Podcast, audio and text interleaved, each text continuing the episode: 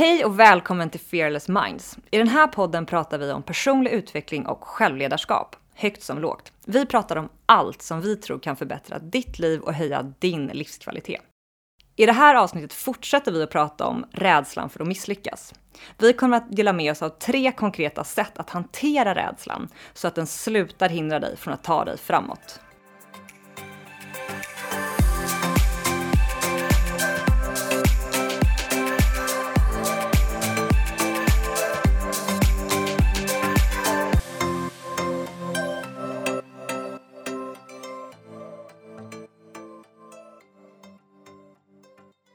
Maria, idag ska vi ju fortsätta prata om det vi pratade om förra veckan, nämligen hur man slutar vara rädd för att misslyckas.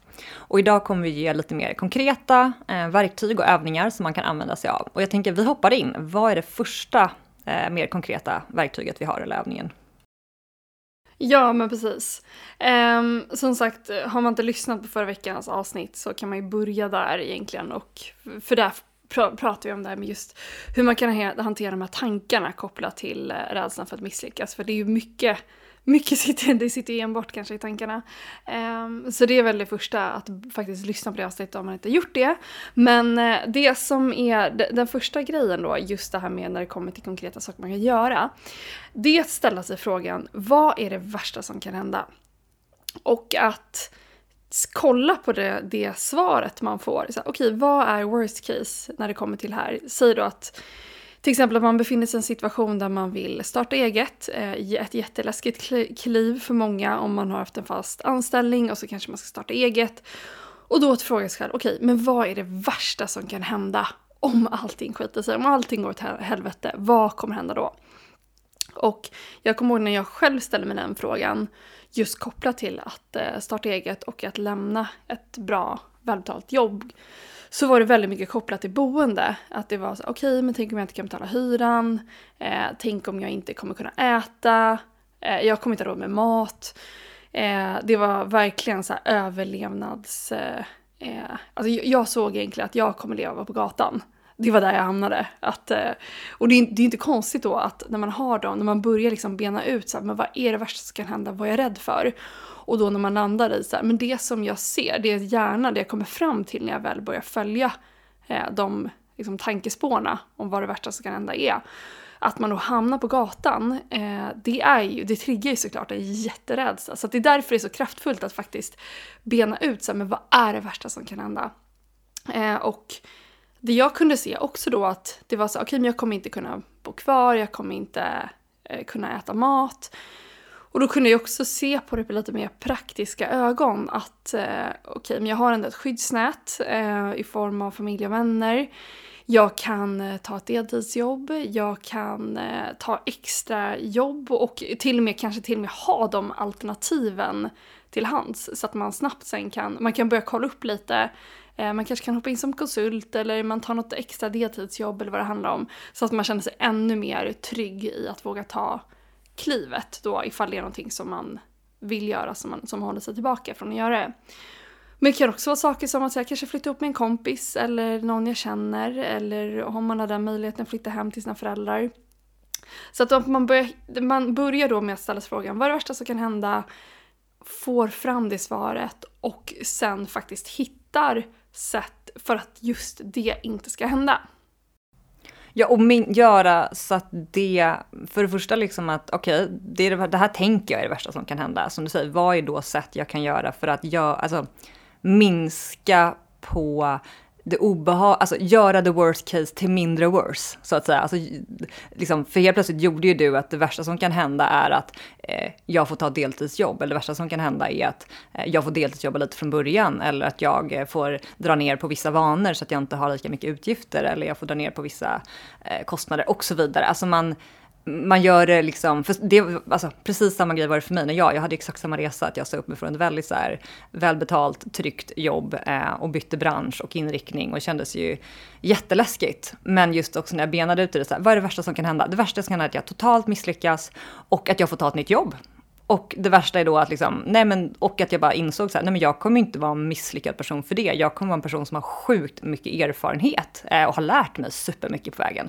Så jag kommer ju växa och eh, vara en mycket mer spännande och intressant och eh, person som är roligare att anställa liksom, ur, ur, den aspekten. Så att jag också förändrade, för jag tror att jag tänkte så här, men gud, jag kommer vara så misslyckad, jag kommer stå där liksom, med mössan i handen och gå tillbaka med svansen mellan benen och skämmas och ingen kommer vilja ha mig. Alltså det, jag hade målat upp något så här, eh, typ mentalt komma ut på gatan liksom och vara en riktig, alltså som att mitt liv bara, nu har jag kastat allt, min utbildning är skön, all min erfarenhet och så insåg jag så här, men är det det värsta som kan hända? Nej, det är det ju inte. Det värsta som kan hända är att så här, det går inget bra, jag har lärt mig mycket, får ta ett jobb.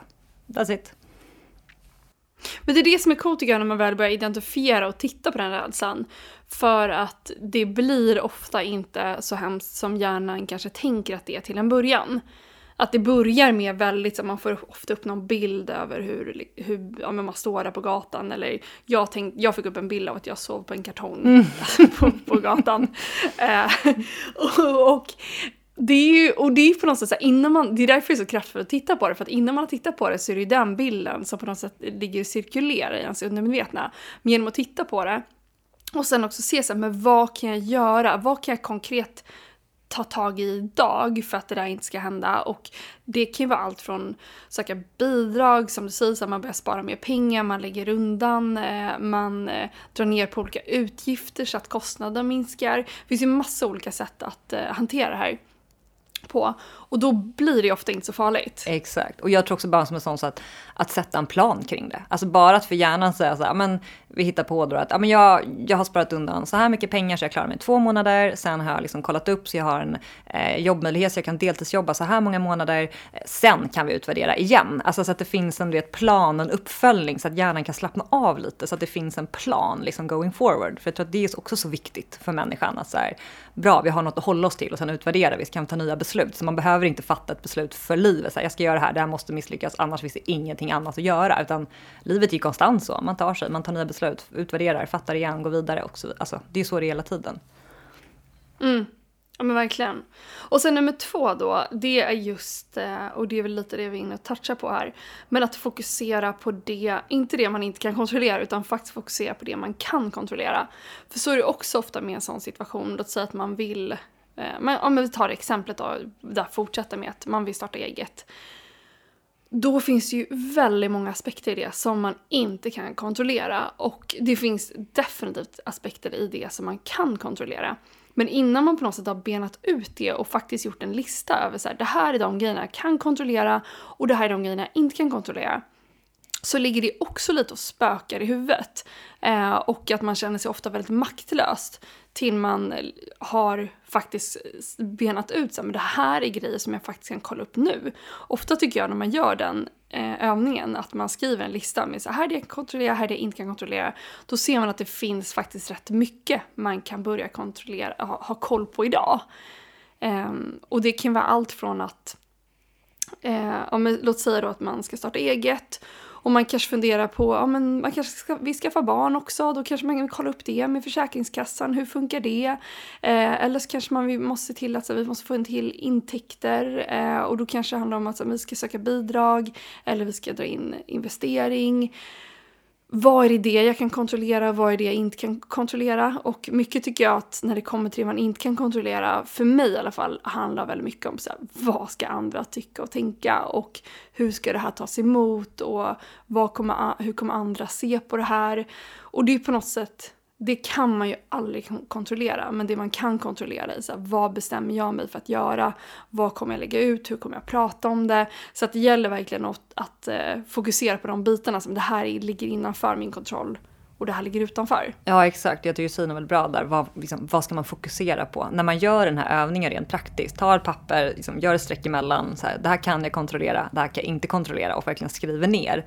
Då blir det väldigt tydligt, så här, men jag, du ska ju fokusera på kolumnen där du kan, med det du kan kontrollera. För det är så lätt att lägga tid och energi. Jag har kommit på mig själv flera gånger att jag kan ha lagt liksom, flera dagar liksom, på att tänka haft ångest och oroat mig och målat upp scenarier och funderat och tänkt och öh, liksom mått dåligt och bara så tänkt så himla mycket på vad andra ska tycka och tänka. Och man bara, men alltså så mycket onödig energi eh, och liksom ett fokus som bara har skapat en maktlös känsla och typ ångest i en. Istället för att säga, men jag kommer aldrig kunna kontrollera det. Vad är det istället jag kan kontrollera och gå till den? Att det är så lätt att hamna i det här maktlösa destruktiva när man går och fokuserar på det man faktiskt inte kan kontrollera. För det tar en ingenstans.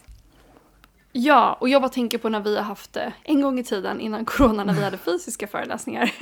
Så var det ju också såna här saker som vi pratade om eh, just inför, okej okay, men innan vi har en föreläsning, hur vill vi att det ska vara? Och där kommer jag också ihåg att vi pratade mycket, framförallt i början innan vi skulle ha våra första, alltså, men vi vill att folk ska ha en bra upplevelse, vi vill att de ska tycka att det är bra. Och just den biten, det ligger ju på något sätt primärt, det ligger ju till stor del utanför vår kontroll. Vi kan aldrig, vi kan aldrig kontrollera om någon på morgonen haft en skitmorgon och kanske bestämt sig för att skiljas och kommer till vår föreläsning och är bara totalt förstörd och kan inte koncentrera sig på annat. Och, de kanske inte får en bra upplevelse men det kanske inte har någon, någonting med det vi har gjort att göra. Så att så här, det är mycket det som ligger utanför kontrollen. Men det jag tycker är coolt är när man börjar då eh, liksom göra de här två listorna det är att man kan se att det finns faktiskt saker just kopplat till det här exemplet då som man kan kontrollera. Det vi gjorde till exempel var så men vi vill att folk ska ha en bra energi, att man inte sitter och vi, gjorde, vi tittade ju mycket på hur vi inte ville att det skulle vara. Att man kommer in, att man inte, liksom, man hejar knappt på dem man sitter bredvid, det är lite tyst, lite awkward någon börjar prata eh, och sen så bara kilar man därifrån. Utan att vi bestämde just då så här, men det vi kan kontrollera är att vi har skön musik i bakgrunden. Eh, vi ser till att skapa mingelbord utanför så att det blir väldigt naturligt att mingla med folk. Vi ser till att folk får titta på varandra i publiken som vi hade innan. Att så, men, eh, typ heja på dem du sitter bredvid. var också ett sätt att faktiskt kunna kontrollera eh, hur upplevelsen med det med själva föreläsningen. Vi hade ju också olika typer av element som så här, ja, men vi, vi kör en shaking här mitt i alltihopa, vi drog på musik. Alltså, vi, då kunde vi hitta saker som vi kunde kontrollera kopplat till upplevelsen. Så att det jag tycker är häftigt med att göra det är att det, det, det gör att man faktiskt känner att man har någon typ av kontroll. Um, för att det finns ofta väldigt mycket mer vi kan kontrollera än vad vi, vad vi är medvetna om. Mm. Okej, okay, och sen då den sista eh, som jag har i alla fall i tanken. Det är att fråga sitt 90-åriga alltså sitt 90-åriga jag. Hur skulle du, om man då blev 90 år gammal, man föreställer sig att man är 90 år, och titta tillbaka på sitt liv och ska ge råd. Så du som lyssnar då, du ska ge råd till dig själv, där du befinner dig nu i livet, om vad du ska göra. Och det man kan göra här är egentligen att skriva som ett brev till sig själv. Ehm, och den här övningen tycker jag verkligen vaskar fram ens vishet. För att man ser på något sätt, man, man måste zooma ut från situationen. Man är helt plötsligt 90 år, sitter på någon härlig plats, eh, tittar ut över havet eller var man nu befinner sig. Och så, så träffar man då sitt yngre jag och ska försöka ge råd i den situationen. Och jag tycker alltid att den här övningen ger, den ger perspektiv, eh, ofta i alla fall när jag har gjort den, att det ger ett mycket större lugn, det är inte hela världen, saker löser sig. Eh, så det är en övning som jag har gillat väldigt mycket, att skriva ett brev från mitt 90-åriga jag till mitt nutida jag gällande situationen. Så den kan jag verkligen eh, rekommendera faktiskt att testa. För att det, det gör att det man kanske går runt med i dagsläget och de orosmoln man har, de, eh, eh, ja, de saker som liksom sätter käppar i hjulen för att man ska ta sig framåt och de rädslor man har kopplat till situationen så får man ett annat ljus på det och att det kommer från en själv. Ehm, men att det kommer från en själv när man också har zoomat ut ganska rejält på det. För så är det ju ofta att de grejer som för fem år sedan var jättestora problem i vårt liv. De, de har vi ju liksom oftast totalt glömt bort idag. De är ju så icke-existerande. Så att jag tycker det är en jättebra övning för att det hjälper en att eh, ja, men så här, få perspektiv och att är det så att någonting är viktigt för en så har det väl för mig alltid kommit fram i det då som jag, som jag skrivit då när jag skrivit det här brevet. Att det har varit så, men det är klart du ska köra på det här. Vad väntar du på? Du får inte göra dig själv besviken. Det, det här är ju, det är perfekt att köra nu. Alltså det kommer fram eh, ja, ett, ett, ett annat perspektiv som jag tycker hjälper väldigt mycket. Verkligen. Det var det som eh, fick mig, när vi pratade om det så inser jag att när jag startade FitLives, där communityt jag startat för kvinnors liksom reproduktiva hälsa, underlivsbesvär och sådär, så var, jag hade så mycket rädslor innan jag vågade starta det här. Och jag liksom pratade med massa kompisar och för varje person jag pratade med så fick jag ett nytt svar liksom. Men det var mycket så här, ah, men ska du starta det och hur kommer det att kännas och vad kommer andra tänka och finns det någon marknad för det där och är någon som vill prata om de här sakerna verkligen och hur, liksom, vad ska andra, alltså det var mycket rädslor från andra. Men det var skönt på något sätt att prata med andra för då fick de liksom indirekt projicera vad de var rädda, rädda för. De kanske hade aldrig vågat starta det här. Men då fick jag också dela med saker som låg inom mig. Så här, men jag är också rädd för vad andra ska tycka och vad ska andra tänka och kommer de döma mig och tänk om det inte blir någonting och det blir plattfall eller tänk om ingen vill prata om det här och ja, men det, allt sånt där. Men sen när jag väl hade landat i det så var jag fortfarande så här, nej men det är ju någonting i mig som fortfarande vill göra det här ändå. Och vad var det? Jo, det var mycket det här som du säger, bara, men vem är jag när jag är 90 år? Vad vill jag se tillbaka på? Ja, men jag vill inte sitta där och vara så här, nej, men jag hade en otrolig erfarenhet av att ha haft vissa besvär och liksom haft väldigt tuffa år och sen hade jag helt kommit ur dem och blivit helt symptomfri och hittat liksom nycklar och, och, och insikter och kunskap och information i det där som jag sen satt och höll på. Så här, nej men och sen så, nej, jag, så här, jag ville inte hjälpa andra för att jag var lite rädd för vad andra skulle tycka. Alltså jag blev så besviken på mig själv av den tanken ens. Men så här, nej men gud, alltså jag, bara, jag måste stå upp för alla de här tjejerna som har besvär, som inte vet hur de ska komma ur den här situationen. Alltså det fick mig att så jag måste göra det här för dem. Alltså jag, måste, jag, vill, jag vill så gärna hjälpa till och jag, jag måste det. Och det var så himla befriande att göra den tankeövningen. För att jag blev så besviken på mig själv när jag gjorde den här spola framåt och var gammal och bara, men gud, så här, lät du dig hålla dig tillbaka för att kanske vad någon annan skulle tycka. Liksom, uppsidan av så många jag kunde hjälpa vägde så mycket tyngre och gjorde mig så pepp och glad, energifylld och inspirerad. att Det blev så givet vad jag skulle göra. Och sen startade vi det liksom dagen efter. Och sen har det bara pff, vuxit att det kanske också blir mer, precis som du säger, så här, det blir mindre jag-fokuserat och det blir mer fokuserat på men vad är jag här för att kanske ge till andra. Och vad, att jag tycker att det skiftar en från jaget till liksom andra personer. Och det är ju, jag menar det är ju bara med facit i hand, hur många personer har inte blivit hjälpta av att ni startade det? Det är ju jätte, jätteuppskattat community. Eh, och med verkligen så här hängivna fans som älskar det. Så att det är så häftigt på något sätt när man lyckas ta sig över sina egna blockeringar och rädslor för att ofta finns det ju väldigt många andra på, sidan, på liksom andra sidan som får ta del av någonting fantastiskt och det är ju verkligen exempel på i det här fallet.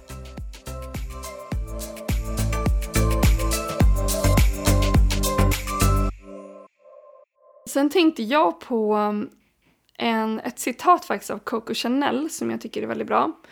Och hon säger så här, How many cares one loses when one decides not to be something but to be someone?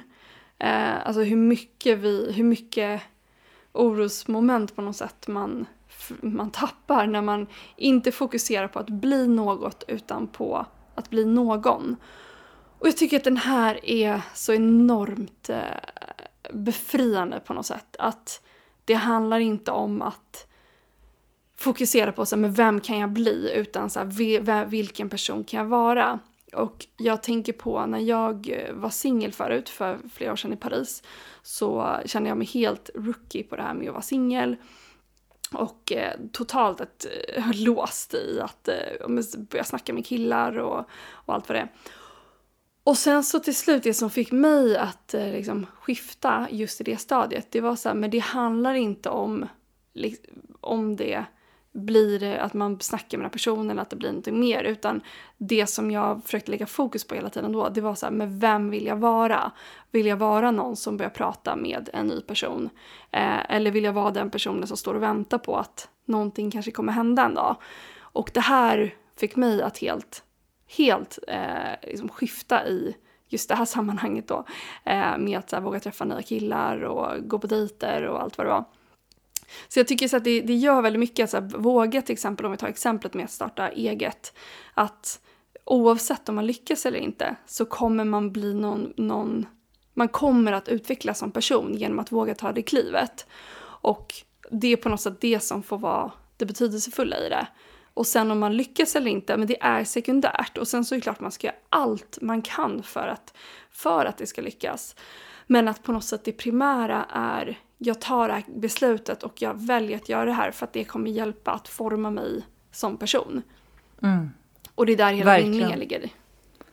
Verkligen, och det jag inser när vi pratar om det, så har jag nog tänkt hela tiden när jag både startade Fitlife och Fearless Minds med dig. Att det var jättemycket rädsla på kopplat till båda, men Fearless Minds, det var ju verkligen så här, men vem är, vem är jag, vem är vi att starta det här? Vi är så relativt unga om man jämför med andra i branschen och eh, liksom, har vi något att komma med? Alltså det fanns mycket imposter syndrom i det där och massa grejer. Men det som landade i slutändan är att så här, nej men jag vill vara en person som följer mitt hjärta. Jag vill vara en person som vågar tro på att att jag kan göra en förändring och jag vet att jag kan, vi kan göra en förändring och därför vill jag, jag vill vara en person som testar. Alltså hellre testa och misslyckas och veta det än att sitta där och fundera på så hade jag kunnat göra skillnad? Hade jag kunnat hjälpa någon? Hade jag kunnat bidra? Hade jag vuxit som person? Hade jag haft lite roligare?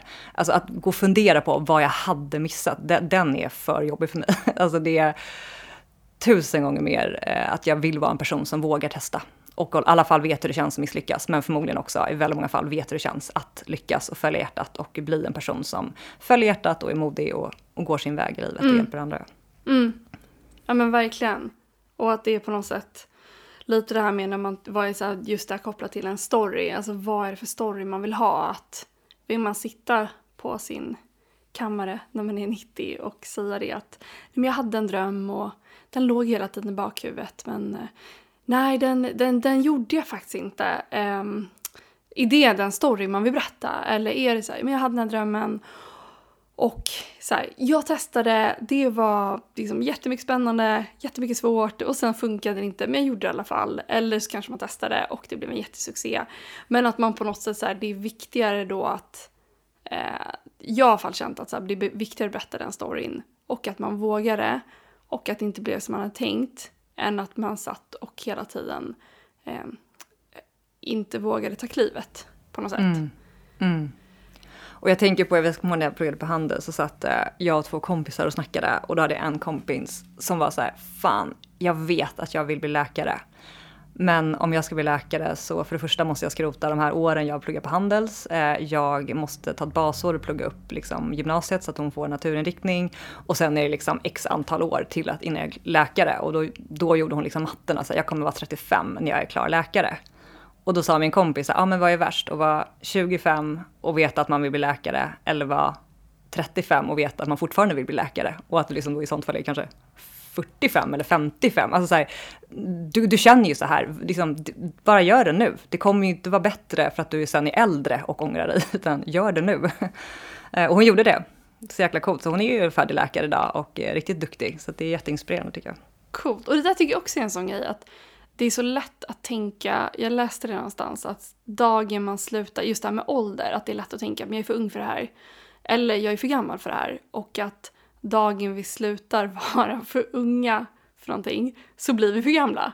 Alltså det finns aldrig det här med att nu är jag i perfekta åldern. Alltså där måste man ju själv aktivt gå in och bara bestämma att nu är det. Men att det är så här, den, det man ofta får höra är så här, nej men jag, jag är för ung för det här. Och, eller jag är för gammal för, för att göra det nu. Eh, men att det på något sätt, det liksom slår från en dag till en annan. I princip, det finns aldrig den här perfekta åldern utan man måste bara se till att skapa den.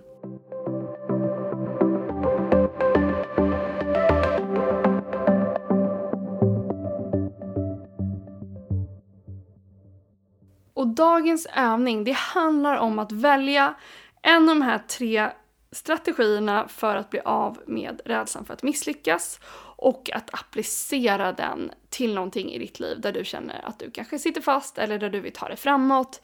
Så att gå tillbaka eller lyssna tillbaka och eh, välj ut en av de här tre och applicera den och är det så att du har något tips på hur man kan bli av med rädslan för att misslyckas så hör jättegärna av dig till hello